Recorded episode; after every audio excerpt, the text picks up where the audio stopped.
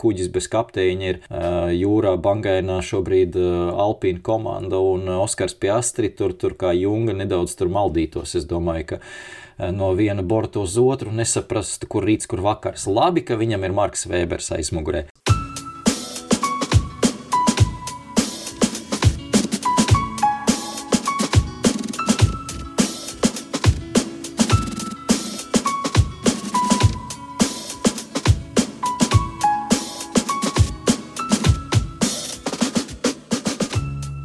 Šis ir podkāsts Restarts, mani sauc Alts Putniņš, un šīs būs sarunas par motorsportu.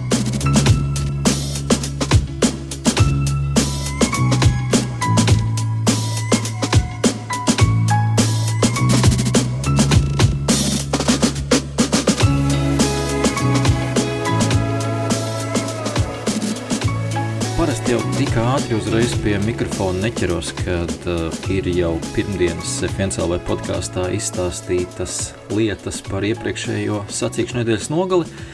Tomēr šoreiz bija tāda sajūta, ka ir vajadzīgs izņēmums un ir vajadzīgs tāds neliels turpinājums šim stāstam vēl par Japānu, daļai, daļai arī, protams, par to, kas noticis vispār pēdējā laikā jaunākiem notikumiem, jo pirmdienas podkāstā tā arī neizdevās sakārtot visas lietas, kas bija sagatavotas no saturiskā viedokļa. Es domāju, ne no tehniskās ziņas, ne no sportiskās ziņas, tāpat arī uz jautājumiem. Visiem, kas pāris bija ļoti, ļoti interesanti, un paldies visiem, kas raksta jautājumus.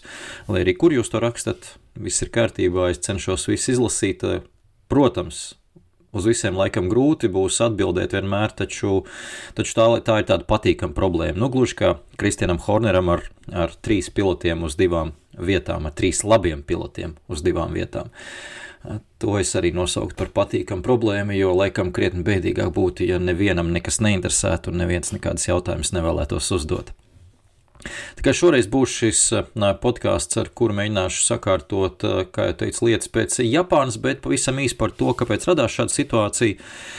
Tie, kas skatījās tiešraidi video formātā, YouTube vai, vai, vai televīzijā, noteikti pamanīja, ka nebija viss gluži arī kārtībā ar translācijas kvalitāti Tam ir dažādi iemesli, patiesībā arī pārcelšanās uz jaunu studiju, eh, kur līdz ar to tā nedaudz tiek eh, kompromitēts arī tas, kāda kvalitāte tiek nodrošināta, un skaidrs, ka tas ir objektīvi, tas, tas šādos pārējais. Pārējais gadījumos uh, pilnīgi pat saprotams ir, nav īsti tāda pults pieejama, kā bija iepriekš, nedaudz ir ar attiecīgi citu programmu izmantošanu jātiek galā tās programmas, turklāt tiešraides laikā nedaudz uzkārās, restartējās, un tajā brīdī man nav nekādas iespējas pārslēgt kadrus. To arī varēja pamanīt, to arī Niks, Niks uh, uzsvēra, ka man ir tehniskas problēmas, tikai toreiz tāds, mē, tobrīd tāds mērens panikas brīdis bija iestājies. Tā kā Tas viss, protams, ietekmē arī satura kvalitāti. Tas nevar neietekmēt, jo šajos FNCLV podkāstos man atsevišķi uh, režisors vai cilvēks, kas pārslēdz kadrus, nav bijis ļoti, ļoti, ļoti retos gadījumos. Kādreiz kāds attālināti ir kaut ko varējis palīdzēt, bet principā visu, visu darījis pats, un tas nozīmē, ka ir jāseko līdzi visām, visām bildēm, visiem kadriem, visam pārējiem tiešaids laikā ja ir tāda pietiekami, teiksim, tā saruna mm, ar, ar sarunu biedru, kur arī sarunu biedrs, teiksim, var uzņemties iniciatīvu un uh, kaut kādā veidā pavilkt pat laiku, jāsaka tā, tad man varbūt atliek laiks attiecīgi nedaudz pievērsties vairāk šīm šīm vizuālajām lietām, tās sakārtot, bet, kā jau teicu, tas nav, tas nav ideālais risinājums, jo skaidrs, ka es vienlaicīgi divas lietas absolūti ideāli dzirdēt, ko stāst man sarunbiedrs un, un pārslēgt uh, visus kadrus un sakārtot tā tad gan reklāmas, gan, gan uh, atsauces, uh, gan uh, visu pārējo, nu, tur diezgan pagrūti un vēl paspēt sagatavot, teiksim, nākamo jautājumu vai, vai nākamo nākamo satura tēmu. Tā kā saturs cieši, un tas man personīgi ļoti nepatīk. Es domāju, ka mēs kaut ko domāsim, kā to situāciju uzlabot, bet, kā jau teicu, nu, šis bija viens no tādā ziņā no kvalitātes diezgan samocītākajiem raidījumiem, tāpēc arī kā jau teicu, top šī sērija, podkāstu sērija speciāli, lai sakārtot lietas. Nu, un otra lieta, kāpēc arī laika izteiksmē pietrūka, pietrūka tieši fiziski laiks, protams, bija tas, ka mēs diezgan daudz pievērsāmies, vairāk kā 20 minūtes Fins Fantasy, bet ņemot vērā, ka mums Niks pirmo reizi ir šajā sezonā ciemos, un mēs par to vairāk tā neesam runājuši, tad tāds arī bija uzstādījums, ka mēs veltīsim tam zinām laiku, un es saprotu, ka visi arī no jums nespēlē Es arī pats nespēlēju, godīgi sakot, bet man jebkurā gadījumā bija interesanti uzzināt pāris tādas nianses, eh, kā tas ir F1 fantasy pasaulē un kā tie cilvēki, teiksim, skatās uz Formuli 1 un viņi skatās nedaudz savādāk. Tā kā tiem, kam patīk vispār fantasy lieta, es domāju, ka tas arī ir tāds vēl viens papildus āķis, vai patiesībā varbūt tas ir galvenais āķis, kāpēc viņi vispār ir Formulā 1. Es domāju, tam pašam Nikam, nu, viņam bez F1 fantasy es pieļauju, ka uh, Formula 1 tik ļoti nemaz neinteresētu. Tā kā to mēs nevaram ignorēt. Lai nu kā plāns tātad šajā podkāstā ir tāds, ka atbildēšu uz jautājumiem, kas tika iesūtīti, tos es atlasīju sakarīgākos un uz tiem, kuriem es neesmu atbildējis gan no YouTube tiešraides, gan no Twitter, kas arī tika iesūtīti uz podkāstu un nav, nav sanācis iespēja atbildēt, gan varbūt nedaudz iesenākiem pāris dienas sanākiem jautājumiem, kas bija arī Twitterī tiešraižu laikā, kur arī nesanāca pilnvērtīgi atbildēt. Tā ir tā man, man patiesībā treniņu braucienu komentēšana ir kļuvusi par arī ļoti ļoti patīkamu un baudāmu lietu tikai pateicoties šiem daudziem jautājumiem, eh, kas ir tiešraidēs, eh, kur eh, pirmkārt jau ir patīkami, ka cilvēki skatās. Tātad, ja viņš uzdod jautājumu tiešraidē, kurus es uzaicināju uzdot, tas nozīmē, ka viņš skatās un arī gaida atbildi, bet otrkārt, un tas ir pats svarīgākais, ir tas, ka man ir lielāka izpratne par to, ko cilvēki grib zināt, varbūt ko nesaprot, un kādas lietas ir vairāk jāstāsta, kādam lietām jāpievērš vairāk uzmanību. Un man, man bija ļoti liels pārsteigums, pat kultūra šoks vispār šajā sezonā. Kopumā tomēr ja ņemam vērā, cik daudz jaunie skatītāji ir pienākuši klāt un tiešām skolnieka vecuma skatītāji, pateicoties tam pašam Drive to Survive, un arī tam, ka ļoti cītīgi sociālos mēdījos, tā skaitā TikTokā, kas ir jauniešu, jauniešu platforma, strādā ne tikai pati Formula 1 un komandas, bet tur strādā, protams, arī citi satura veidotāji par Formulu 1 rakstot, runājot, nu, rakstot ne tāda runājot, filmējot un tā tālāk no turienes tiek uzzināta šī informācija arī jaunai paudzei, un jaunā paudze tur gūst to informāciju, bet nu skaidrs, ka TikTok formāts vai mm, šis vienas minūtes formāts šortos, eh, eh, kas ir YouTube, nu, tas ir tāds ārkārtīgi viegls mm, informācijas pasniegšanas veids, un es teiktu, ka tas ir tāds pirmais ievads vai īsais ievads, un skaidrs, ka, lai to izprastu sīkāk un saliktu kopā tās daudzās mazās sīkās vienas minūtes mozaīkas, tur, tur vajag, vajag kaut kādu nedaudz plašāku izpratni. Bet, eh, Tā ir tā lieta, kas, kas tomēr uzrunā jauniešu, un ir jāstāsta ļoti bieži arī paši pamati. Es domāju, ka es šajā ziņā centīšos piestrādāt arī, arī tiešraidēs, eh, ka ik pa brīdim uh, tādas lietas, kas man pašam liekas pašsaprotamas, un ļoti daudziem arī es pieļauju no jums, ja jau klausāties šo podkāstu, es pieļauju, ka jūs tā diezgan nopietni tajā lietai sekojat un, un arī citur, uz, citur uzzinat šo informāciju, tad arī jums varbūt tās liek, lietas liksies pašsaprotamas, bet jaunai paudzei tas ir jāsaprot. Ļoti bieži nav skaidrība, kas ir DRS, kāpēc, kāpēc tas antispāns ir atvērts, kāpēc vispār tas ir vajadzīgs vai ko nozīmē parka fermē. Tā kā mēs, mēs ar tādiem vārdiem un svešvārdiem mētājamies kā paši sev, paši sev pašsaprotamām lietām, viņiem tas līdz galam nav skaidrs. Bet, protams, ka tā sporta veida skatīšanās un sekošana līdzi kļūst krietni, krietni interesantāka un jautrāka tajā brīdī, kad tu saproti to sporta veidu. Eh, lai nu kā sākšos ar eh, pirmo jautājumu, eh, to es saņēmu Facebookā. Ir, ik pa brīdim man Facebookā atnāk messengerī tā saucamai arī ziņas. Šeit gan uzreiz jāsaka, ka es neesmu ļoti citīgs Facebook apmeklētājs, neko tur nerakstu. Līdz ar to apmeklēju arī messengeri ārkārtīgi reti, uz telefonu to nelieku, lai man nenovērst uzmanību.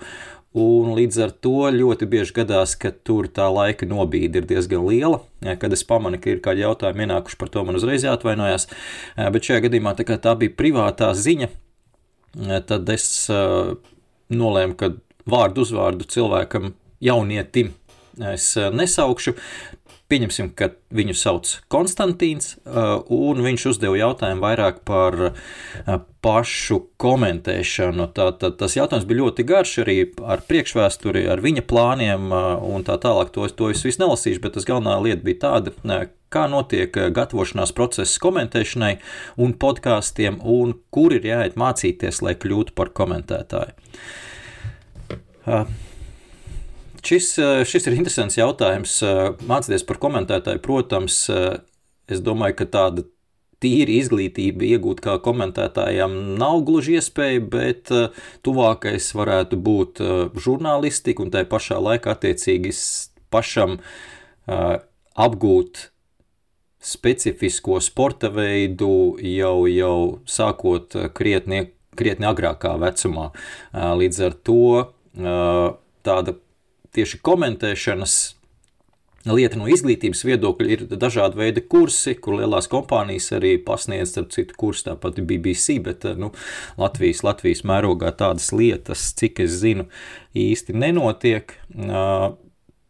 Teorētiski, protams, mūsdienās jebko jau var atrast YouTube un kaut kādus padomus, bet, ja man jūs jautātu, kādas īpašības ir vajadzīgas, vajadzīgas komentētājiem un, un kas ir nepieciešams, tad uh, Patiesībā pirmā lieta, protams, ir eh, vārdu krājums, un tur jau nekādā citā veidā to nevar iegūt kā tikai lasot latviešu grāmatas, acīm redzot, tās, tās ir jāpatērē diezgan biezā slānī un diezgan daudz un regulāri.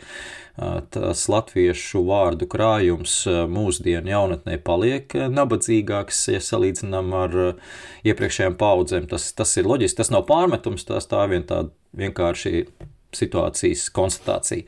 Līdz ar to, to jūs varat kompensēt, lasot latviešu grāmatas. Nu, tāds smagsvars kā straumēni varētu būt par smagu tiešām un grūti patērēt un uztvert arī, es pat teiktu, mūsdienu jaunatnē, kas tomēr pieradusi, ka diezgan daudz tā informācija mainās, skrien, un, un, un nu, pats starp citu, es, es biju šokājis līdz šim, nu, jā, laikam esmu pārāk vecs, bet uh, Varbūt es arī jums kaut ko jaunu atklāšu, bet man izstāstīja jaunieši, izskaidroja, kāpēc TikTokā un arī šajos YouTube šortos ļoti bieži tiek rādīti divi lodziņi ar dažādiem, dažādiem video. Tātad vienā lodziņā iespējams kaut kas tiek skaidrots un mācīts, un varētu būt pat interesanta lieta, un otrā lodziņā tiek spēlēta vienkārši kāda video spēle.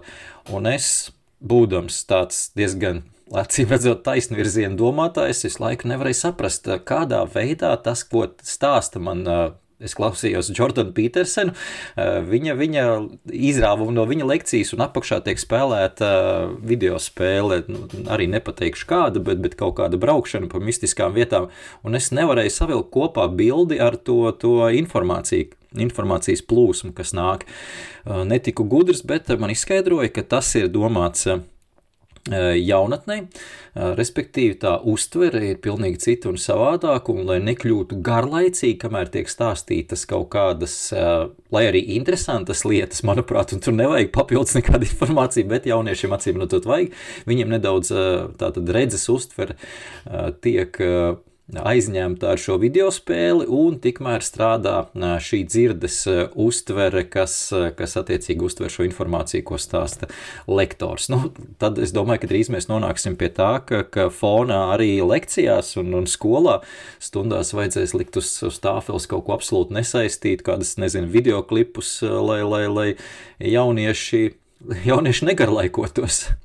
Absolūti. Jā, nu tiešām varbūt, varbūt viņi tiešām savādāk uztver to informāciju. Man, man bija grūti savilkt kopā to visu, un es biju jā, tādā jutos diezgan, diev, diezgan dīvaini. Bet atgriežoties par komentēšanu un šo jautājumu, tad, protams, vārdu krājums, otrkārt, es domāju, ka, kā jūs teicu, ļoti dziļas un padziļināta informācija un zināšanas par eh, konkrēto sporta veidu, ja mēs runājam par sporta komentēšanu, un eh, tas, tas nav tāda lieta, ko to esi izdarījis un viss. Tā ir tāda lieta, kas faktiski katru dienu tiek papildināta, spodrināta, sakot līdzi un lasīts, lasīt dziļāk, tālāk, vēsturi iepazīta un vispārējais, lai tā izpratne būtu visaptveroša, pietiekami un lai to arī citiem vienkāršos vārdos varētu izskaidrot, kas un kā, kāpēc, kādā veidā, kādā formā. Nu, un Droši vien pārējais nāk ar laiku un ar praksi, jo es domāju, ka neviens nepiedzimst par absolūti izcilu oratoru. Tur ir arī jātrenējās, un ir arī treniņu paņēmieni, ir runas apmācības, ir vairāki aktieri, kas tajā lietā, starp citu, specializējas, kur var nopirkt šos kursus arī internetā, un tie ir ļoti noderīgi. Es esmu arī pats pamēģinājis, godīgi saku, tas, tas strādā.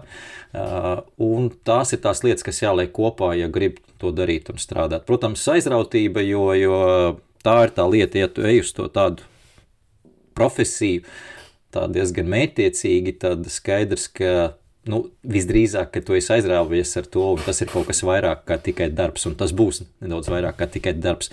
Bet par gatavošanās procesu komentēšanai tad, un podkāstiem. Uh, Tad uh, komentēšanai, protams, Visa informācija tiek savākta pa konkrēto trasu, konkrēto posmu. Visi jaunumi ir jāsaprot, kā katras komandas, visas relīzes komandas, kas, kas arī pirms posmiem ir jāizlasa, jāiepazīstās uh, nedēļas nogales laikā tieši tāpatās, jo komandu uh, šīs relīzes mums nāk arī, nu, tā tad, kā žurnālistiem nāk diezgan regulāri un viss tiek atsūtīts, un tā, tā nav liela problēma, kur atrast informāciju mūsdienās, jo īpaši Nu, uz podkāstiem, protams, pēc sacīkstēm ir gatavošanās diezgan intensīva. Parasti tomēr tā sacīksts beidzas pēcpusdienā, vēlā un vakarā. Ir, ja ir laiks, noteikti ir jāskatās vēlreiz sacīkste, jo sacīkstes laikā to komentējot, var palaist lietas garām, jo es jums paģukstēšu tādu lietu, es nezinu, varbūt jūs zinat, teiksim, tai pašā Sky F1, kas ir tātad britu komentētāji, kur viņi divi tā komentē, viņiem ausīs ir uh, vismaz vēl divi cilvēki, varbūt trīs, es zinu, ka ir divi,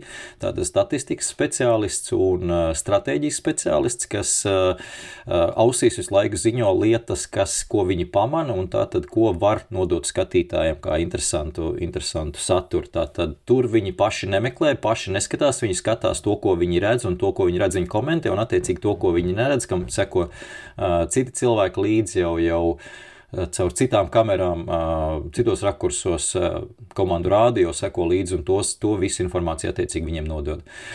Ņemot vērā, ka es strādāju absolūti vienatnē, tad pilnīgi skaidrs, ka paslīd garām arī pāris lietas, kas ir pēc tam jāsavāc un jāpaskatās vēlreiz atkārtojumā tā sacīkste, jāpaklausās, kas nebija skaidrs, varbūt kādi, kādas radio sarunas, lai būtu pilnīgāka aina par to vispārējo.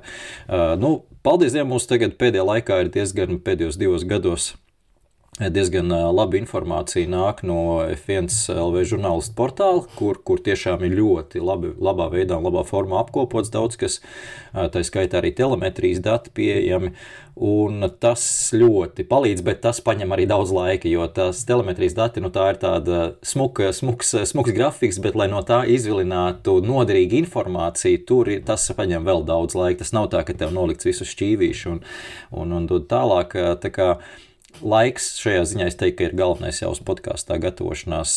Tas, tas vienkārši ir ļoti, ļoti laiti, laikietilpīgi un ļoti bieži tur arī maz laika paliek gulēt. Uh, bet pēc tam, pēc tam tajā pirmdienā, kad uh, tas podkāsts ir beidzies, tad ir tāda interesanta situācija, ka es eju, eju pa ielu un visi pirmdienas rītā ir, uh, vai pirmdienas, pirmajā dienas pusē ir nedēļas nogales sākumā un tādi apņēmības pilni strādāt un kaut kur steidzas. Man ir liels acis, lēna gaita, un uh, skatos uz pasauli, kā nedaudz no plaukta nokrits. Uh, Uh, bet nu, tas ir cits ritms, cits ritms. Es ceru, ka es Jurim atbildēju. Uh, kas, kas, notiek ar, kas notiek ar šo situāciju, tātad par komentēšanu un par, par gatavošanās procesu. Uh, bet pirms es ķeros klāt pārējiem jautājumiem, pavisam īsi par pāris lietām, kuras, kā jau es teicu, līdz galam nepaspēju izstāstīt. Tur būs arī pāris tehniskās nianses. Vispirms man te sarakstā ir Ferrari. Ferrari man personīgi ļoti patīk pēdējos trīs posmos, kā, kā ir progresējuši. Varam teikt, ka atšķirībā no Monsas un Singapūras, kas bija ļoti divas dažādas trases, nu, trešā dažādā trase bija arī Suzukas trase, eh, tad eh, Suzuka Ferrari bija pārliecinoši trešā ātrākā komanda, ne Mercedes, nu, ne Aston Martin arī vēlāk izrādījās ar Alonso sacīkšu režīmā viņiem klāt netika. Eh, lai gan pēc piekdienas treniņiem izskatījās, ka varbūt tur varētu būt tāds nedaudz nopietnāks kapiņš par šo trešo pozīciju aiz Red Bull un aiz eh, McLaren. Nu, un šoreiz jāsaka, Visdrīzāk, tomēr pateicoties Suzukas trases specifikai, kas ir ļoti izteikti ātrā trase un kur pirmajā sektorā eh, šie esis līkumi, kas ir strauja virziena maiņa, kur ir vajadzīga ārkārtīgi liela precizitāte un uzdrošināšanās un pārliecība, eh, šajā sektorā Leclerc bija visu nedēļas nogali labāks par Karlosu Sainzu, un te mēs arī redzam to atšķirību, ko mēs runājam pirms tam, ka Leclercam tomēr joprojām ir uh, tas pārsvars tādā intuitīvā, tīri talanta arī ziņā pilotēšanas ziņā par Karlos Sainz, kamēr Karlos Sainz spēj to nokompensēt tajā brīdī, kad ir lietas varbūt neiet gluži absolūti ideāli, kad tās ir jāsakārto un sistemātiski uz tām jāstrādā, lai paņemtu maksimumu no tām. Tur savukārt kā Leclercam ir jāmēģina pielikt. Par Ferrari, par šo iemeslu, kāpēc ir šāda atzimšana notikusi. Es eh, stāstīju arī vienā, vienā no Pēterēna podkāstiem diezgan daudz un sīki, tā kā otrais tā ļoti sīki es neiedziļināšos, bet eh, īsumā, nu, es domāju, jūs visi esat pamanījuši, ka pēc vasaras brīvdienām tāds neliels, eh, neliela pārvērtība un pat nostabilizēšanās ir notikusi, jo līdz šajā sezonas laikā Ferrari ik pa brīdim ir bijuši ātri, bet eh, tas ik pa brīdim ir toši tiešām ļoti reti bijis. Un ārkārtīgi liels svārstības, ārkārtīgi nestabila mašīna un cimperlīga mašīna bija līdz tam. Ar šīm izmaiņām eh, pēc vasaras brīvdienām Ferrari ir panākuši to, ka tas uh, regulējumu lokus, kurā var viņi atrast tos ideālos regulējumus priekš konkrētiem apstākļiem, un trases ir kļuvusi krietni lielāks, un tas diapazons ir plašāks, un līdz ar to ir vieglāk trāpīt tajā visā. Tomēr tajā pašā laikā līdzi ir nācis arī efekts vai defekts, kā nu kuram, ka ir mašīnai nedaudz nepietiekama pagriežamība. Uh, Tā tad understeers tā saucamais nepietiekama pagriežamība, ka priekšējā riteņa asis nereaģē tik uh, zibenīgi un tik ideāli uz pilota uh, virziena maiņu. Uh, tas, diemžēl, vairāk ir iegriezis Šarlam Neklēram, jo viņam pilotēšanas stils ir ļoti izteikti līdzīgs kā Maksam Verstapenam. Uh, viņi ir tie piloti ar to talantu, talantu līmeni, kas spēj strādāt ar ārkārtīgi paklausīgām, zibenīgi paklausīgām formulām, kas zibenīgi klausa tavam, tavam stūris rata pagriezienam. Tas nozīmē, protams, uzreiz arī aizmugures izslīdēšanu, bet tā viņa pārliecība un tas talants ir tik liels, ka viņi spēj instinktīva, intuitīvi tik galā arī ar šo, šo aizmugures izslīdēšanu, un to nevis paredz, nevis prognozē, bet reaģē uz to kaut kādā veidā un formā. Un Maks Verstmēns ļoti izteikti tā strādā, Leclerc arī ārkārtīgi līdzīgi, līdz ar to šī situācija, ka tā mašīna ir nedaudz tāda lēnāka reaģēšanas ziņā, tā kā nedaudz uz tabletēm nedaudz uz nervu tabletēm sēdēto eh, Ferrari jaunais, eh, tas ir iegriezis eh, Leclercam, un nevis tāpēc, ka viņam tagad grūtāk braukt, tieši otrādi. Viņam nav, nav īsti grūtāk braukt, bet viņam ir grūtāk atrast ātrumu. Un tas nedaudz varbūt palīdz Sainsam, kurš, kā jau teicu, vairāk strādā tomēr sistemātiski un līdz ar to var tā loģisku saprast, loģiski saprast šīs jaunās formulas priekšnoteikumi, kas ir nepieciešami un vajadzīgi, lai to formulu padarītu ātru, jo nu, es tādu ārkārtīgi asu priekšējo riteņu asi. Es domāju, ka Sainsam būtu krietni grūtāk, un tas ir iepriekš bijis. Iepriekšējā sezonā tas bija izteikti, un Sainsam bija grūtāk. Tā kā ar to ir jārēķinās. Vēl par Ferrari pavisam, pavisam īsi. Tas, kas ir jauns un interesants, parādījās šajā Suzuki trasē. Tas gan Ferrari sakarā bija arī iepriekšējā sezonas laikā, bet tagad Ferrari komandai pievienojās Mercedes, un arī tas bija redzams šajā, starp citu, telemetrijas datos, ko jau pieminēja. Tad uh, spūna pagrieziens tālajā trases galā Suzuka ir kaut kas nedaudz līdzīgs, mazākā mērogā, kā astotais līkums Stambuls trasē. Tie, tie kas ir tādi nedaudz senāki līdzjutēji, zinās, pa ko es runāju. Tie, kas nezina, manuprāt, arī tas ir viens no izcilākajiem līkumiem, kas ir bijis Formula 1 kalendārā. Diemžēl Stambuls trasa mums vairs nav un tāda Tāda līkuma arī nav.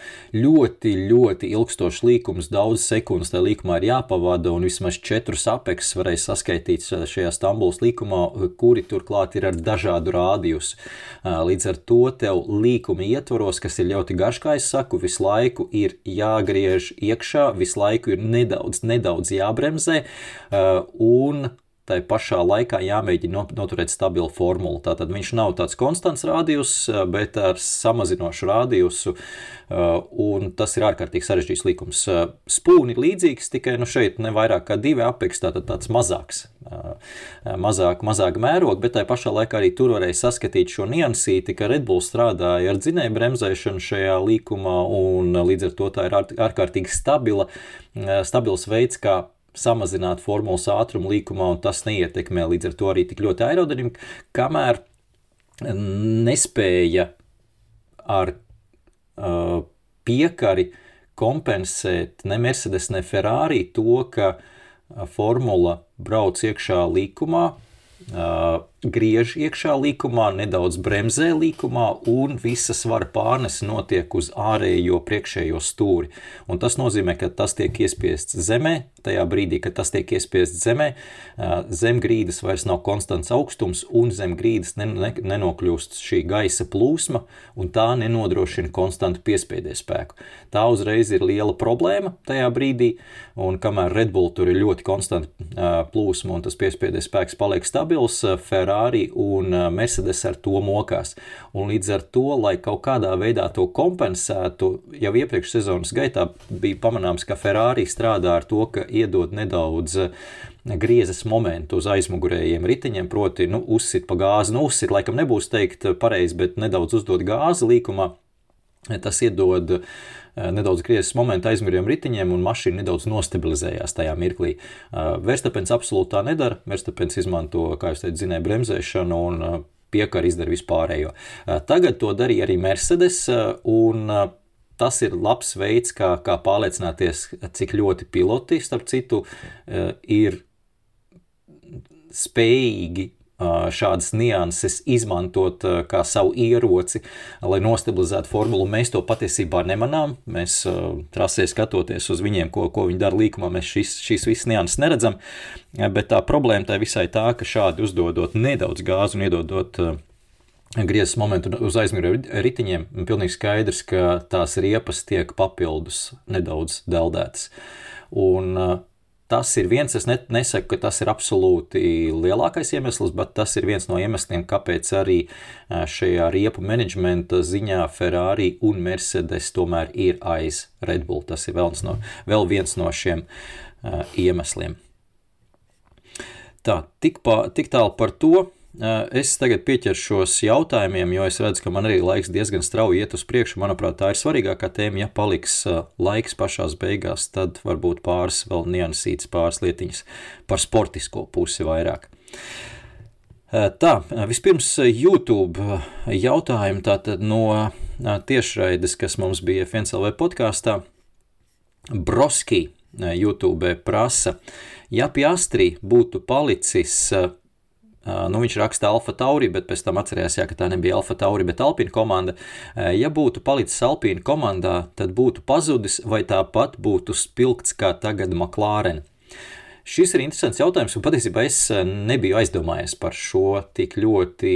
Līdz ar to man likās pašam interesanti būs par to pafilozofēt, jo mēs to nezinām, nekādā veidā formā es arī to nezinu, neviens to nezina. Mēs varam tikai filozofēt un pieņemt kaut kādu, kaut kādu potenciālo scenāriju, kā tas varētu izvērsties Alpīna komandā, bet nu, tātad scenārijs būtu tāds, ka viņš šajā sezonā startētu kopā ar Estebanu Konu. Estebans Kons pret saviem komandas biedriem ir īpaši negants bijis savas karjeras laikā. Viņš nu reiz laikam šo axiomu, ka tavs komandas biedrs ir tavs pirmais ienaidnieks, ir paņēmis ļoti tieši. Eh, ļoti piesirds un eh, ļoti cenšas to ievērot, ar visiem saviem komandas biedriem ir strādājis diezgan agresīvi, kas ir novedis arī pie daudzām avārijām. Eh, kā tas ietekmētu Oskaru Piastrī? Es domāju, ka ietekmētu savā ziņā, jo skaidrs, ka situācija mikroklimats komandā var būt un attiecības ar savu komandas biedru nebūtu tik organiskas, kā ir ar Lando Norrisu Otrakārt, komandai tajā brīdī šādos apstākļos ir jāizrāda ļoti liels atbalsts debitantam, kurš meklē to, to pamatu zem kājām. Un es šaubos, ka Alpīna varētu izrādīt tādu atbalstu. Arī Otmārs Zafnauer laikā nebija viņš tas cilvēks, kas gluži tur lika roku ap pleciem visiem. Nu, tagad viņš arī nav tā kā tur vispār tāds, tāds nedaudz kuģis bez kapteiņa ir. Eh, jūrā bangainā šobrīd eh, Alpīna komanda un Oskars Piastri tur, tur kā Junga nedaudz tur maldītos. Es domāju, ka eh, no viena borta uz otru nesaprastu, kur rīts, kur vakars. Labi, ka viņam ir Marks Vēbers aizmugurē. Bet es pieļauju, protams, rezultātu ziņā mēs nevarētu sagaidīt tādu tādu sniegumu, un šeit jau vairāk jautājums ir par to, vai tas viņam būtu nācis par labu, vai labāk ir šitāds scenārijs. Nu, skaidrs, ka McLaren komandā šobrīd tā nākotne izskatās ļoti spilgta un laba, taču es nedomāju, ka mēs varētu piastrī talantu noslēpt arī Alpīnu, ka tas tomēr parādītos kaut kādā mirklī veidā formā, un uh, Tas viss sarežģīja viņa situāciju caur, caur grūtībām, gan augu raksturs, un, kā jau teicu, varbūt tas nebūtu slikts scenārijs arī jaunam pilotam, ja viņš spētu nodemonstrēt to, to potenciālu, jebkurā gadījumā, gan jau tās iespējas parādītos arī citās komandās, pat ja viņš būtu palicis Alpīna sākotnējā gadā, varbūt pat divus gadus. Tad uz nākamajiem pāris gadiem, kad mums lielā pilota staigāšana sāksies un ka beigsies daudz līgumu, varbūt arī nocipētu viņu kāda cita komanda. Es teiktu, tā, ka sākums būtu krietni grūtāks viņam, bet es neesmu pārliecināts, ka tas nenovestu gala rezultātā, jebkurā gadījumā pie, pie līguma ar kādu vadošo komandu. Hey, steering wheel, somebody tell him to give it to me. Ja audio podkāsts ir tava lieta, un arī viens LV podkāsts epizode pēc katra posma tev ir nedaudz par īsu, iesaku apmeklēt mūsu Patreon lapu Tur atradīsi ne tikai aizraujošus, vēsturiskus, tehniskus un interesantus rakstus par Formuli 1, bet arī analītisko podkāstu restarts un ekspresa podkāstu epizodes par aktuāliem jaunumiem un Grand Prix nedēļas nogalas notikumiem. Šobrīd to visu ir iespējams izmēģināt septiņas dienas bez maksas. Apmeklē patreon.com šķērsvītra FNCLV un iepazīsti Formuli 1 vēl tuvāk. Tā, tālāk. Gatis Pūriņš arī YouTube prasa. Bet nu, Noris arī parādīja, ka Race Space, kādēļ viņš ir top līmeņa pilots, jo atstatums līdz Piastri bija ļoti liels. Nu, Gatis raksta ļoti daudz anglicismiem, mēs jau daudz iztulkojam, bet nu, tāpat sanāca laikam diezgan nesakrīgs tas teikums, jo es tur mēģināju nedaudz pielabot, bet nu, jautājums respektīvi bija tāds, ka Noris parādīja sacīkšu režīmā, ka viņš ir augstākā līmeņa pilots un attiecīgi Piastri netik līdz. Jā, tur Gatim ir taisnība, 17 sekundes finišā, bija starp Jastrī un uh, Lando Norris, un kā teica pats pie Astrī pēc sacīkstes, tad tā ir viena no lietām, kas viņam ir jāmācās. Pirmajā sacīkstes nogrieznīga temps kopējais bija salīdzinoši lēns, un tajā viņš varēja turēties diezgan komfortabli. Otrajā sacīkstes daļā temps tika kāpināts, un viņš savukārt netika vairs līdz ar riepu menedžmentu, riepu uzturēšanu pie dzīvības, jo izskatījās, ka tas pieaugot konkrētajam tempam, Tas viņa braukšanas stils nozīmē, ka viņš varētu netikt līdz finišam tādā tempā. Tā kā šī pārējais, šī tempa maiņa, sacīksts vidusdaļā, attiecīgi pa nogriežņiem, ir tā lieta, kur viņam jāstrādā. Bet nebēdājiet nenieka, pie Astrid fani. Es sevi arī daļēji pie tāda jau varu pieskaitīt, jo šis nāk ar ar gaidīšanu, laikam nevar teikt, bet šis nāk ar laiku, šis viss nāk ar laiku, un tā datu bāze, informācijas apjoms, pieredze datu bāze, kas ir uzkrāta London Norrisam, ir ļoti daudz reizes lielāka, terabaitos neizmērāmi lielāka nekā tā ir pie Astrī. Un tur neko nevar darīt, tur jābrauc 1, 2, 3, 5, 6 sacīkste, jo to ļoti labi varēja redzēt pat Suzuka strases pēdējos apļos, ka viņam jau šie 50 apļi, kas ir nobraukti, ir iedavuši jau kaut kādu pamatu uh, strādāt, un viņš jau liek to mācību lietā, un uz beigām viņš jau saprot nedaudz vairāk nekā saprata sākumā. Tā kā tas viss nāks ar laiku, bet jā, es pilnīgi piekrītu, Lando, Lando Norris šobrīd ir, uh, ir tomēr līmeni augstāk tieši sacīkšu režīmā par Piastri. Tas ir pilnīgi loģiski un, un, un labi. Nu, un jā, par Piastri, kā jau teicu, arī podkāstu laikā, FNCLV podkāstu laikā pirmdien, tad eh, divas izcilākās trases, tieši pilotu trases, kas tiek uzskatīts par pilotu trasēm Spa un Suzuka, un tajās uzspīd Piastri. Nu, tas nevar būt, tā nevar būt sakritība. Šajās trasēs tas tā procenta daļa, ko no kopējā rezultāta pienes pilots, viennozīmīgi ir lielāks. Un ja šeit uh, uzpeld virspusē pie astri, tas tiešām par kaut ko liecina. Uh, gribēju kaut ko apstīties arī, kā, kāds plāns bija McLaren sacīkstē. Nu, laikam nebūs īpaši laika tur iedziļināties. Nu, katrā ziņā Lando Norrisam nedaudz nesagāja pirmo boxu apmeklējumu. Tur, uh, tur pie Astri iebrauc tieši uh, drošības mašīnas, pirms drošības mašīnas sākšanās faktiski trāpīja. Uh, Lando Norrisam īsti tā nesanāca, līdz ar to viņš nokļuva atkal aiz, aiz pie Astri, pēc tam, kad startā bija ticis garām, un pēc tam attiecīgi noķēra viņu. Uh, un tad, tad bija interesants moments, viens, kur uh, abi divi McLaren piloti bija viens aiz otra, un Lando Norris prasīja palaist garām. Uh, un vēlāk arī tas tika atļauts, tur kādi trīs, trīs ap pusi apļi. Viens aiz otru vizinājās, kamēr McLaren uz komandu tildiņu sprieda. Un nebija tā, ka pie Astri arī pats tur laikam uh, pieteicās, es, es, es, es palaidīšu garām. Nu, skaidrs, ka šobrīd viņam nav jāsprāgā, un ar Lando Norris nav tur īpaši nekas dalāms, tiklīdz viņš saņem informāciju no savas sacīkšu inženiera, tad tur, tur savā starpā tas viss tiek komunicēts komandas iekšienē caur Andrejā Stēlu, acīm redzot, tā arī tika palaists garām, un mēs redzējām, ka tas viss bija pareizi, pamatoti pēc tā tempa, kas bija Lando Norrisam, nu, nekādu variantu. Tā kā šobrīd izskatās, ka McLaren ir komanda, kurai ir jāseko līdzi, un es zinu, ka ir daudz līdzjutēji arī Latvijā. Viņi ir diezgan tādi komandi, kas, kas tā vien uzprasās uz to, lai kļūtu par viņu līdzjutējiem Oranžā krāsa daudziem patīk, daudziem piestāv. Arī uh, Andrejs Stēla teica, ka viņiem ir divi labākie, labāko pilotu kombinācija. Šajā ziņā es gan vēl negribu piekrist, ka, uh, ka Norris un Piastri plus Piastri uh, tā summa ir vislielākā Formulā 1 starp komandām, bet trīniekā viennozīmīgi es domāju, ka ir, jā, trīniekā ir un ir potenciāls, lai tiktu arī tiešām pirmajā vietā.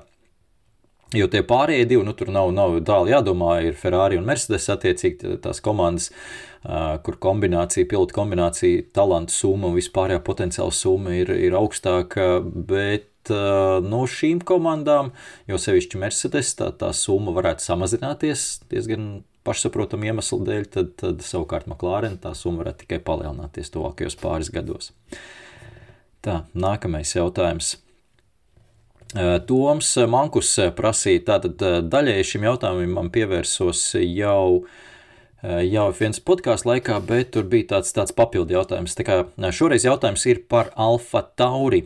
Ir bažas uz nākamo sezonu, to, to, to raksta Toms, ka Alfa Tauri varētu ies, iet Haas un Ferrari variantā, attiecīgi paņemt visu maksimālo atļauto detaļu skaitu, un tas gluži neliekas tas pats abos gadījumos, zinot super ciešās menedžmenta attiecības Alfa Taurī, ja viņi izmantos vienu veidu tuneli un tā tālāk, ka tas nu, būs diezgan nepareizi. Tā raksta Toms. Tas, ka iet šobrīd Alfa Tauri, Red Bull ciešos apskāvienos, un skaidrs, ka tur būs tā abu sadarbība diezgan cieši nākamajā sezonā. Tas izskatās, ir jau šobrīd skaidrs. To es esmu pieminējis vairāk kārt. Komanda maina nedaudz savu filozofiju, tāpēc arī Daniels Rikārdo ir loģisks šobrīd viņa pilots, nevis, nevis kāds jaunais debitants. Tātad šī loma vairs nebūs audzināt jaunos, bet tehniskajā ziņā tagad viņi ņems visu, ko var paņemt no, no Red Bull. Pirmkārt, es piekritīšu vienā punktā Tomam, ka tas varētu radīt nākamgad spriedzi starp komandām, bet tikai gadījumā, ja Alfa Tauri pēkšņi kļūs konkurētspējīgi no šīs sezonas pēdējās, pirmspēdējās vietas, viņi paliksies pēkšņi, nezinu, 7, 8, 7, 6, 5 kaut kur tajā reģionā, nu tas radīs spriedzi, tas radīs spekulācijas un tā tālāk tā joprojām. Bet es personīgi neredzu šeit pirmkārt iemeslu tam īsti, un otrkārt tādu objektīvu iemeslu. Un otrkārt, es neredzu arī atšķirību starp Haas un Ferrari. Atšķirība ir tāda šobrīd, ka Haas vienkārši nespēja tik ļoti labi adaptēt visas tās detaļas, ko viņi saņem no Ferrari. No Ferrari laikam arī pēc noklusējuma nav tik labas detaļas kā Red Bull, jebkurā gadījumā, un viņi dzīvojas tur pa beigām, un nevienam tas neinteresē. Bet atcerieties, kas bija, kad Haas brauca kaut kur augstākās pozīcijās. Viņi tieši tā padarīja, un, un visi pukstēja, ka šāds, šāds risinājums nav loģisks un ka te ir kaut kas jādara un ka viņi, viņi iegūst ka viņi nav īsts ražotājs, teiksim tā, bet nu, tāda ir Formula 1 noteikuma šobrīd. Un te arguments no Tomi, ka viņam, ka šeit ir ciešāka sadarbība Alfa Tauri un Red Bull. Arī šajā ziņā es teiktu, ka tas ir ļoti nosacīti, jo es biju Maranello un tur aiz šiem fabrikas vārtiem turpat uh, staigāja pa Maranello fabriku cilvēki Ferrari krekliņos un Hāz krekliņos. Viņiem telpas ir turpat blakus citā blokā, tajā lielajā fabrikā.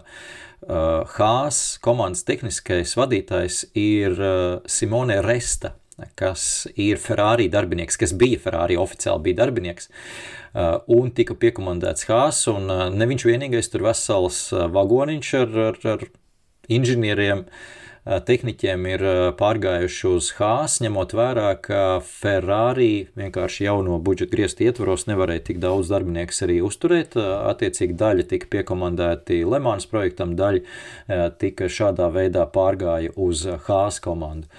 Tā kā tur tā sadarbība ir ārkārtīgi cieša, bet šeit nav nevienam šaubu, ka tas viss ir godīgi, jo tur ir novilkts diezgan stingras sarkanās līnijas, ko drīkst un ko nedrīkst darīt šajā ziņā par informācijas apmaiņu.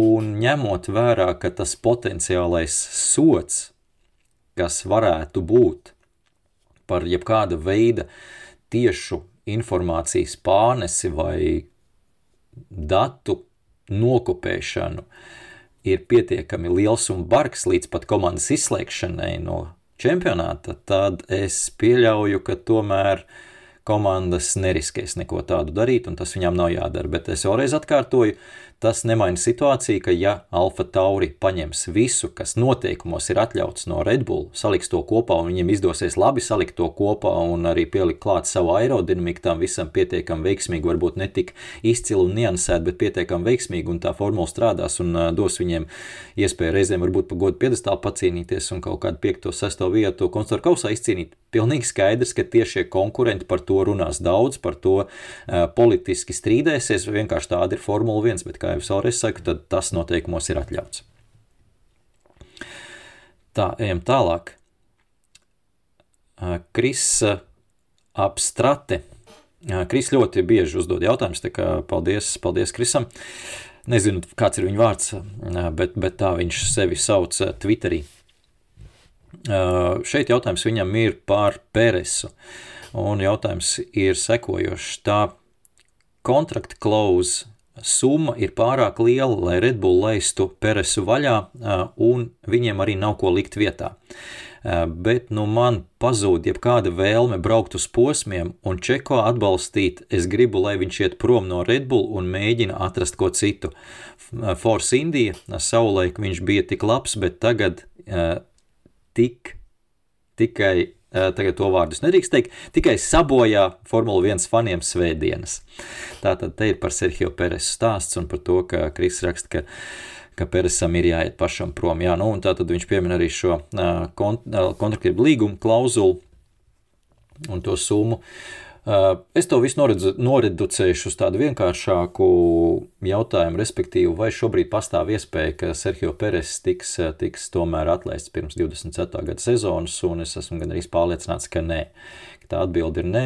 Es nezinu, kas ir tiešām Peresam jāizdara atlikušajā laikā, lai, lai, lai viņš tiktu izspērts pirms savu līguma beigām, jo šobrīd Red Bull ir salikuši savus kauliņus pa visām vietām. Alfa Taurī komandā ir piloti apstiprināti, ir ļoti labs rezervists. Liems Lausons, par viņu varbūt vēl sanāks laiks nedaudz, nedaudz parunāt. Uh, Liems Lausons, kurš teorētiski varbūt arī Viljams varētu pievienoties, bet ja ne, tad no Red Bull uh, pozīcijām raugoties uh, ļoti labā situācijā, viņi ir ļoti drošā situācijā, ka viņiem rezervē uz četriem pilotiem ir tāds rezervists, ja nu kaut kas gadās ar, ar kādu no četriem braucējiem.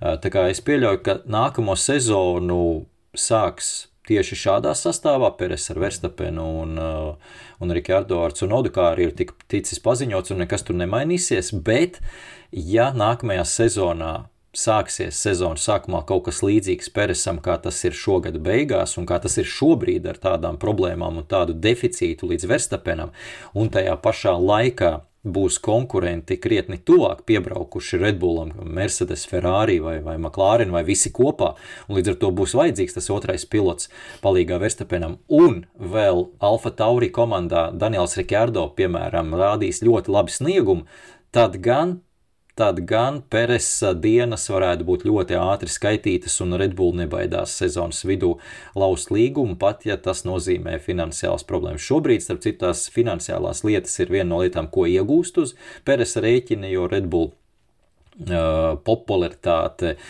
kā brenda un arī kā produkta Meksikā ir ļoti, ļoti augsta pateicoties Sergio Peresam, un to, protams, viņi izmanto, kamēr var izmantot. Tas ir tas papildus, produkts, pa, papildus e, efekts un papildus elements, kas ir jāņem vērā, ko mēs bieži neņemam vērā, jo tieši tas pats ir ar Danielu Rikārdo, tieši tas pats ir ar Cunodu, kuram Honda maksā par to, ka viņš atrodas Alfa Tauri, un tā nauda Alfa Tauri ļoti noder, un par Liam Lausonu neviens nemaksā, un ja Lausons ir vienādības zīme snieguma ziņā ar Cunodu, tad Cunodam nu, kā jau teicu, tur, tur visu, visu, visu palīdz eh, vēl apmaksāt eh, Honda. Eh, tas ir jāņem vērā, bet, jā, kā jau teicu, tad, uz, manuprāt, uz nākamo sezonu absolūti nekas nemainīsies. Bet nākamā sezonā gan viņš var arī neizvilkt līdz sezonas beigām pie, pie šiem noteikumiem. Kaut vai divi no šiem trim noteikumiem, ja, ja izpildīsies, tad viņš var netikt līdz sezonas beigām Red Bull komandā. Bet Japānā uh, Nu, bēdīgi, cik bēdīgi vien var būt. Peresam jau no piekdienas treniņiem viņš ļoti tālu bija no Verstapena. Viņam gan piekdienā bija vecā grīda uzlikt salīdzinošiem testiem, bet tāpat tad, kad viņš uzlika jauno grīdu, tas deficīts līdz Verstapenam bija 0,8 sekundes, un tas ir nepieklājīgi tālu. Tas ir nepieklājīgi daudz.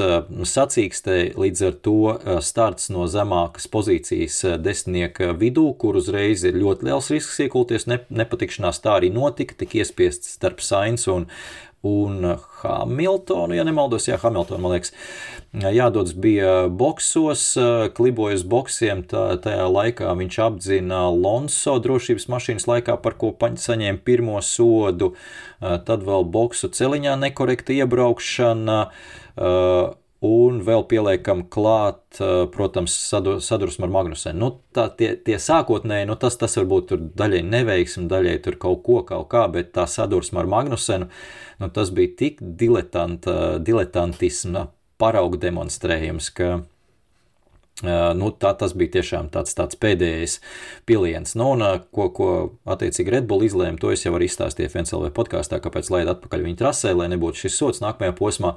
Bet pat Kristians Horners Peresa sniegumu šajā nedēļas nogalē nosauca par šokingu. Tie, bija viņa vārdi, šokējoši.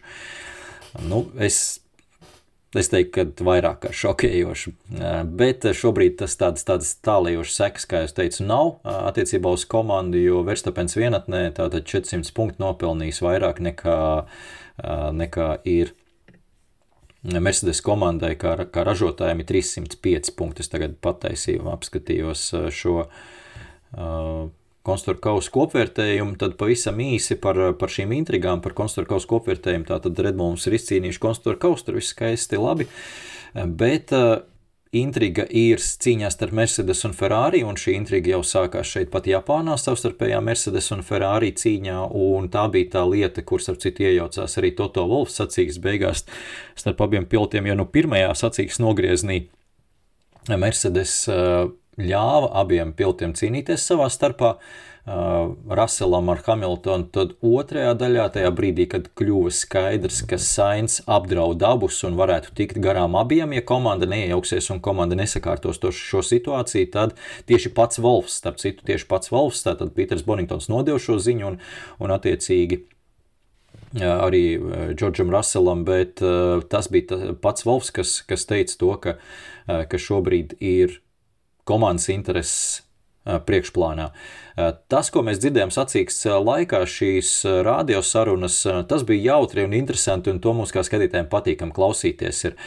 Bet jāsaprot, ka piloti nu skaidrs, ka ir uzvilkušies tajā brīdī, un tas nenozīmē, ka tur ir, nu tagad ir nāvīgi ienaidnieki abi divi, jo pilnīgi skaidrs, ka viņi, viņi saprot, par kādām pozīcijām viņš šobrīd cīnās. Par 5, 6, nu, būsim godīgi, nu, tam nav milzīgas nozīmes. Un būsim godīgi, ka komandas pozīcija šobrīd ir svarīgāka, un tajā brīdī, kad viņi to ķiveri novelk, viņi to ļoti labi saprot. Līdz ar to tie, tie komentāri pēcsacīgs abiem diviem bija ārkārtīgi, ārkārtīgi uh, saprātīgi un loģiski. Tātad šī cīņa starp Mercedes un Ferrari būs viena no intrigām priekš manis. Es ceru, arī jums sacīks, es atvainojos, sezonas atlikušajā daļā. Tātad tur šobrīd ir 20 punkti starp abām komandām. Mercedes ir priekšā 20 punktus, Ferrari cīņa par otro vietu. Pie reizes uzreiz arī jautājums. Nauris Vizuls prasa arī viens no regulāriem skatītājiem. Un, un klausītājiem. Viņam bija vairāk jautājumu, bet tieši šis bija ļoti, ļoti, tagad, es domāju, īstajā brīdī. Tātad jautājums tāds. Mercedes vai Mercedes sev lēnām nebūvē veco labo Rosbergu, vairākas reizes vienas sacīks ietvaros ierādot, kurš ir top dog, nu tātad kurš ir vadošais pilots. Es domāju, ka nē. Es saprotu, ko, ko mēģina Nauris pateikt, un es domāju, ka nē, jo, kā jau teicu, šobrīd tā situācija no komandas puses ir bijusi, manuprāt, ļoti veiksmīgi noregulēta. Kāpēc es tā domāju? Tāpēc, ka uh, Hamiltonam ir savs intereses, Rosbergam ir savs, uh, sadarbojos Russellam, Russellam ir savs intereses, un Mercedes ir savs intereses. Un trīs šīs intereses ļoti bieži var sakrist tā, ka iet absolūti katrs savā virzienā. Uh, šo, šādu situāciju noregulēt un kaut kādā veidā sakārtot tā, lai visiem labi, visiem ideāli, nu, ir neiespējami. Tas, tas nav iespējams. Tur tā, lai, tai, lai visi vilki pāēduši un visas kazas dzīves. Nav, nav tas iespējams. Līdz ar to Mercedes, protams, ir no savas puses aktīvi jāiejaucās šajā lietā un nedrīkst viņu palaist lietu pašplūsmā. Un, manuprāt, tomēr Toto Wolfs šajā ziņā ir spējis panākt pagaidām nu, minimālu pretestību no saviem braucējiem. Nu, sacīs laikā vienmēr, kā jūs teicāt, emocijas sit, bet eh, šobrīd braucēji tomēr saprot, kas ir tas galvenais. Un tad, kā jūs teicat, kad viņi novelk to ķiveri, viņi saprot, kas ir tas galvenais. Uh, līdz ar to nav viņiem iemesla šobrīd uh, apbižoties, jo es uh, absolūti nepiekrītu, ka šeit tiek izvirzīts kāds pilots priekšplānā, ka Hamiltons tiek izvirzīts priekšplānā vai, vai pieņemsim, Rasels tiek izvirzīts priekšplānā. Tiek izvirzīts priekšplānā tas pilots, kurš konkrētajā sacīks brīdī, konkrētajā strateģiskajā mirklī nodrošinās Mercedes komandai vairāk punktus. Un tā nu sagadījās, ka tas ir Lūsis Hamiltons šajā gadījumā, jo ja sacīks beigās paturētu priekšā Džordžu Raselu un atstātu ātrāko Luisu Hamiltonu aizmugurē, tad viss tas trio brauktu, tad Sainz ieskaitot, kas pierodas no aizmugures, viss tas trio brauktu Rasela tempā. Tas nekas, ka Hamiltons ir ātrāks, viņi brauktu Rasela tempā. Ja viņi brauktu Rasela tempā, pat neskatoties uz to, ka būtu pieejama DRS sistēma, mēs redzējām, ka Suzuka nav Singapūra. Tas nestrādā. Tas triks, par ko, ko arī teica Sainz, nu, tas triks strādā konkrētās trasēs, un tas triks eh, šeit, Singapūrā, šeit, es runāju, Suzukā nestrādāja. Pilnīgi noteikti to mēs arī vēlāk pārliecinājāmies. Un eh, šeit Mercedes ļoti skaisti izreikināja, ka ja Hamiltons būs priekšā un mēģinās varbūt palīdzēt ar DRS, nu tam pat nav liela nozīme, kā mēs redzējām, tad ir vismaz cerība, ka saglabās vienu pilotu priekšā Sainsam. Ja viņi būtu atstājuši Hamiltonu aiz Rasela, tad abi piloti zaudētu Karlosam Sainsam, un tas zaudējums kopvērtējumā būtu lielāks. Tā kā es teiktu, ka ja būtu apgriezta situācija, būtu rīkojušies tieši tāpat. Tas nebija tāpēc, ka tas ir Hamiltons, tas bija tāpēc, ka komandai vajadzēja maksimālus punktus paņemt. Uh, un kā būs tajā brīdī, kad abi cīnīsies par uzvarām un par titulu, tas ir pavisam cits stāsts. Un tur, kurš ieņems to Rosberga negantnieka lomu psiholoģiskā terorista lomu, tad jau mēs to redzēsim. Tas būs super interesanti. Un šito es jau saku gadus, trīs, un, un mēs joprojām to neesam redzējuši. Es vainoju Mercedes, un es esmu dusmīgs uz viņiem, ka viņi nav uzbūvējuši to mašīnu, lai mēs to redzētu un izbaudītu. Un ka tik mēs kādus fanus šī visa procesa laikā kaut kur neatstājam ceļmalā, tas, tas man arī nedaudz uztrauc. Protams, es tur varbūt tad, tad reizēm diezgan drosmīgu seju rādu, ka nē, viss ir labi Formulā 1, bet nu, nu skaidrs, ka nav. Nu, tie, kas ir īstie fani, tie jau nekur nepazudīs, bet tie fani, kas ir ienākuši un, un paskatījušies, o, te ir interesanti, bet nu, tad nu, uzvar viens un tas pats, un lēnām, lēnām. Lēnām, lēnām tas paliek garlaicīgi, kāpēc man jātērē laiks svētdienas pēcpusdienā, jo es jau zinu, kurš uzvarēs. Nu, skaidrs, ka tas nedaudz atcīt, un tas sportam nenāk par labu. Nu, tā tas ir, bet no otras puses, kā jau teicu iepriekš, tad īsts sporta veids ļoti bieži ir dominējošs. Ja, tas, ja viņš nav dominējošs, tad uh, tas nav sports vairs. Un mums ir jāreikinās ar to, ka mums nav Formula 1, uh, eh, nav standartizētas sērijas, kā tas pats indīkārs. Eh, ja mums būtu standartizētas sērijas, tad mums arī būtu ļoti liela dažādība un absolūta neparedzējamība. Bet uh, es neesmu pārliecināts, ka es gribu kaut ko tādu redzēt. Indīkāra ideāli savu nišu ir paņēmis, es izbaudu indīkāru un skatos, bet tās uh, nianses, kas nāk klāt. Formulā 1, tehniskās nianses, politiskās nianses, naudas, finansu nianses, kas nāk klāt un visas šīs paralēlās pasaules, var teikt, kas, kas saliekās kopā un beigu galās mums ir Formula 1 čempionāts, tas viss padara to Formula 1 čempionātu pat tik ļoti bagātīgu un krāsainu buķeti. Tas, tas ir tas skaistums, manuprāt, tajā visā. Bet tas jānozīmē, ka tā, tā uzvarošā formula ļoti bieži ir viena un tā pati. Tas, tas diemžēl, to var nozīmēt. Uh, Naurim bija vēl viens jautājums. Uh, Naurim bija jautājums uh, par Piastri. Kāpēc McLaren komanda nepaņēma bezmaksas vienu punktu Suzukā? Jo Piastrī piebremzējot 5 sekundes un Noris uzliekot mīkstās riepas varētu izcīnīt vēl vienu punktu. Vai Norisam nebija riepu komplekta, mīksto riepu komplekta? Nu, šis jautājums gan ir diezgan viegli atbildāms, ja iepriekš jau tur bija nedaudz arī jāfilozofē, tā. Tad šis jautājums ir viegli atbildāms. Es domāju, ka McLaren nevienā brīdī vispār neizskatīja to kā variantu. Pirmkārt, viens punkts, protams, viens punkts ir viens punkts, bet tas risks, kas iesaistīts šajā konkrētajā risinājumā, ko apraksta Nauris, ir absolūti neadekvāts komandai atrodoties otrajā un trešajā pozīcijā, kur viņa nav bijusi šajā sezonā. Jo pirmkārt, kā, kā pats Nauris raksta, tad Piastrī nebija tik tālu no Londona Norris, ka viņš varētu paņemt bezmaksas vienu, uh, vienu pitstopu. Tas nozīmē, viņam jānomet temps savukārt. Viņam aizmugurē Šārs Leklērs bija 7,5 sekundes. Uh, nometot 5 ir 2,5 sekundes. Uh, tur pirmais risks, otrkārt, nedrīkst Lando Norris boksos sapīties nevienā uh, brīdī un nemaz. Tad, tad šis viss strādā, jo, jo ja tas kā sapinās kaut vai sekundi, viņš ir iekšā tur tajā barā ar tiem trim džekiem uzreiz ar Piastri un Leclerc. Un tas ir otrais jau, jau, jau, jau es domāju, ka pilnīgi skaidrs arguments, ka tā nevar darīt. Un trešais arguments ir, jebkurš boks apmeklējums, tas ir risks pats par sevi. Var notikt deibkās boksos. Jā, bieži nenotiek, notiek 9 reizes no 10, nekas nenotiek, bet, nu, kā tu zini, ka tā nebūs viena no 10 reizēm. Tā kā šeit ir trīs argumenti, un katrs par sevi jau būtu pietiekami svarīgs, lai, lai to nedarītu. Ja vēl te visi trīs kopā, tad, nu, aizmirstam. aizmirstam. Bet, jā, interesanti, ka cilvēki, ka cilvēki kaut ko tādu arī pamana. Tas, tas tiešām, tiešām interesanti. Tā, un vēl viens jautājums man ir atlasīts. Tas ir Roberts, kas prasa šādi. Vai atpūtas telpā, kur top 3 braucēji atrodas pirms piedestāla ceremonijas, vajag rādīt Grand Prix spilgtākos mirkļus, tā vietā, lai dzirdētu patiesas sarunas un redzētu numur divi cepurītes mešanu komandas biedram. Pārsvarā viss, ko dzirdam, ir uf, ah, bez lielas pievienotās vērtības. Šis ir interesanti. Tad, es, es ceru, ka jūs sapratāt, par ko ir runa.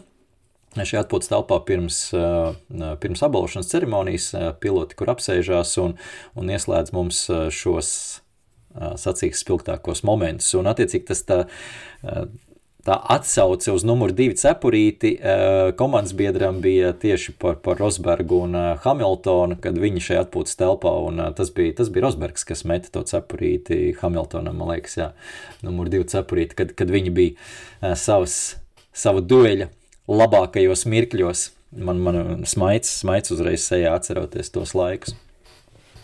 Jā, tas ir tas interesants arguments, ka nevajadzētu varbūt rādīt tur nekādus highlightus šai visā un ļaut viņiem pašiem parunāties. Tas, cik ļoti viņi atvērtos, arī vēl joprojām ir liels jautājums, jo tas bija tieši tagad pēdējā atpūtas telpā, ko es pamanīju, kad rādīja highlightus, un, ja nemaldos, Peres uztriecās Magnusenam, ja es ļoti nemaldos, vajadzētu vēlreiz iet paskatīties, lai es nesamelojos, bet man liekas, ka tas bija tajā mirklī, Un uh, tas bija Lando Norris, uh, kurš uh, sēdēja un ieraudzīja to, un pilnīgi skaidrs, ka visiem bija absolūti skaidrs, nu kas pa lamzaku. Bet neviens neko neteica, un viss tā, oh, un Lando Norris gribēja kaut ko teikt un paskatījās atpakaļ uz kameru. Kamerā, viņš ieskatījās kamerā, viņš saprata, ka viņu filmē, nu viņi zina, ka viņi filmē, viņus filmē, protams, bet viņš ieskatījās kamerā un aprāvās. Un līdz ar to Es teiktu, ka varbūt vajadzētu darīt vēl viltīgāk, ka vajadzētu slēpt to kameru. Nu, labi, uh, viņi zina tāpat, kā viņas filmē, zinās, bet nelikt operatoru kā cilvēku ar kameru tajā vietā, bet nolikt vienkārši jā, kameru stūrī un viņus filmē. Viņi zina, ka viņus filmē, bet viņi tajā karstumā var to nedaudz piemirst, tur nestāv cilvēks kā tāds, teiksim, ar to kameru un, un mikrofonu. Vai vajadzētu highlights rādīt vai nerādīt? Nu, jā, varbūt nevajadzētu tai pašā laikā. Tā pašā laikā viņiem ir iespēja atskatīties, un bija, manuprāt, šogad arī viens tāda situācija, jā, bija gan, tas bija ar Peresu un Alonso, vai Peres un Sainzu, tagad es neatceros precīzi, katrā ziņā, ka viņi skatījās highlights un viņi sāka spāņu valodā runāt, un pēc tam es redzēju kaut kur iztulkot to sarunu, Uh, un tur viņi runāja tieši par to, ka tu man iespiedi, re, skaties, tu man iespiedi, viņš ka nē, nē, tur, tur, tur, tur bija vēl vietiņa. Un man liekas, ka tajā, tajā pašā laikā tas varbūt arī kaut kādas šādas, šādas vārdu pārmaiņas var, var izprovocēt. Un, Nu, mēs varam paeksperimentēt, protams, varētu, varētu arī nelikt tos highlights uh, uh, sacīkstē, bet, manuprāt, tas tā ir tā lieta, kur viņiem uh, Viņus ļoti interesē, tomēr, kas tur notika, jo ļoti daudz lietas viņi nav redzējuši, kas tur noticis. Viņiem ir iespēja ātri parunāt, eh, nedaudz paklačot eh, par to, kas aizmugurē kāda lamzaka brauc, ko viņi vispār nav redzējuši, kas tur sataisīja eh, mēslus, kā šajā gadījumā Peres. Bet jā, tas, tas arī ir interesants jautājums. Tā, es tiem jautājumiem esmu ticis cauri, kas man bija pierakstīti pavisam, pavisam īsi vēl pa pāris lietām, lai nu man tad, tad visi, visi ķeksīši pie visa, visām lietām ir pielikti un, un mierīgi var, varu taisīt ciet to datoru tagad uz kādu brīdi. Tātad par Liam Lausonu. Malacis baigais, tur, tur nav ko nepielikt, neatņemt. Uh, Pilnīgi noteikti šajos posmos viņš jau ir parādījis, ka ar viņu var rēķināties un ar viņu rēķināsies. Ar viņu rēķināsies Red Bull pilnīgi noteikti nākamgad bez domāšanas, un tas ir vēl viens, starp citu, tas mazais elements attiecībā uz Peresu. Es nedomāju, ka viņš varētu būt tiešais Peresa aizstājējs Red Bull komandā, laikam uz tik lielu lēcienu nu, nevar pretendēt uzreiz Liams Lawsons, bet Red Bull neminstināsies ar Peresu, jo, kā jau es teicu, viņiem šeit apakšā šobrīd ir viss ir sakārtots. ja ar Danielu Rikārdo daudz maz viss ir kārtībā, Daniels Rikārdo ir Peresa vietā, attiecīgi Rikārdo vietā ir Lausons un nav zaudētāji arī Alfa Tauri komanda šajā ziņā. Tā kā tas ir labi, bet otra lieta jau, ka vēl pastāv ļoti labas iespējas, ka Lausons var būt tiek arī uz Viljams. Par Viljams es arī iepriekš jau, jau parunāju par Loganu Sāžantu un viņa nedienām, tā kā tur, tur vairāk nepieskāršos. Alpīna daudz nepieminēja, Alpīna es pagūvu izstāstīt arī FNCLV podkāstā par tām lietām, bet viena lieta gan es gribēju pateikt, es nezinu, vai jūs esat redzējuši atkārtojumā, jo tiešraidē to nerādīja, bet atkārtojumā no onboard kameras Gazlī, kad viņš čērso finišu līniju un īsti pirms tam, kad viņam pateica, ka viņam jāplēš priekšā ir Rokons, uh, viņš, protams, tur, tur nolamājās un Piers Hamlins, viņa, viņa sacīkšu inženieris, ļoti stingri viņam pateica, mēs izrunāsim šo lietu pēc sacīkstes.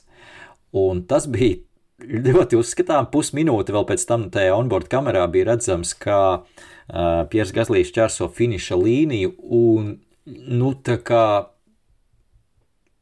ļoti nu, ārkārtīgi agresīvi. Es neesmu redzējis, ka tik agresīvi ar rokām, ar galvu purina, krata, vicinās, kā tāds uh, pilnīgi no ķēdes norāvies diriģents.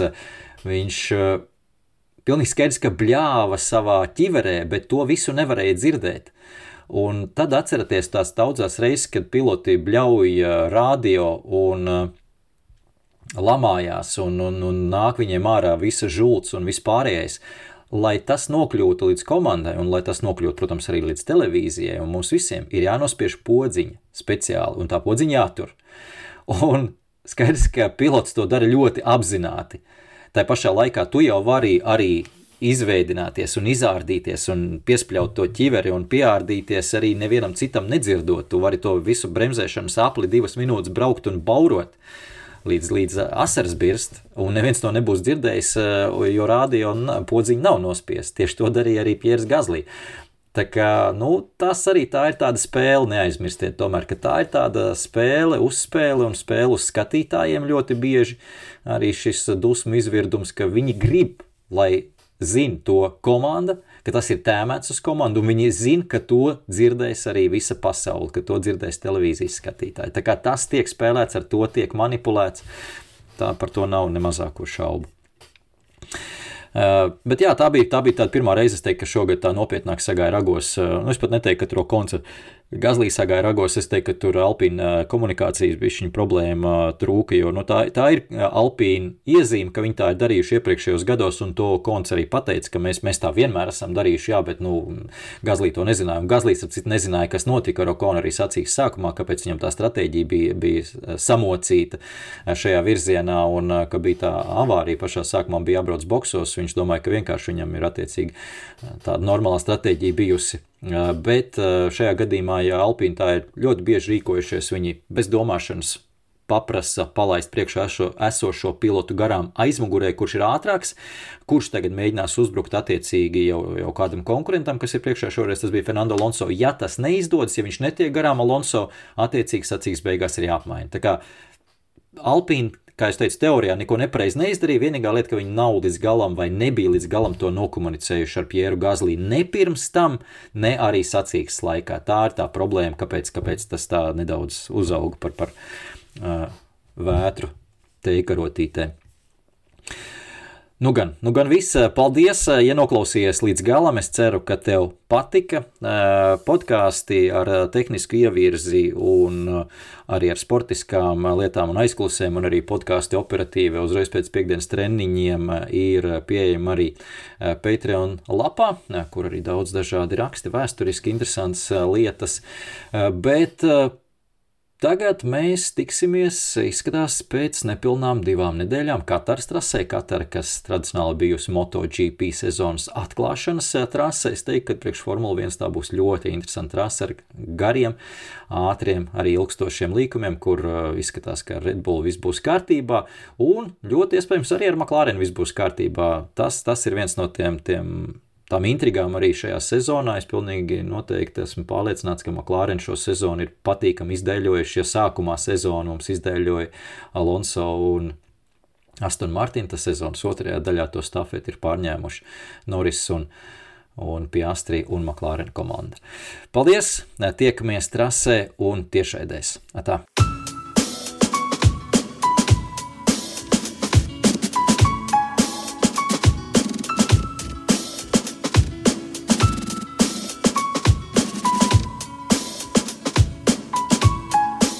Mūzika no Perfect Muse, Lucky Number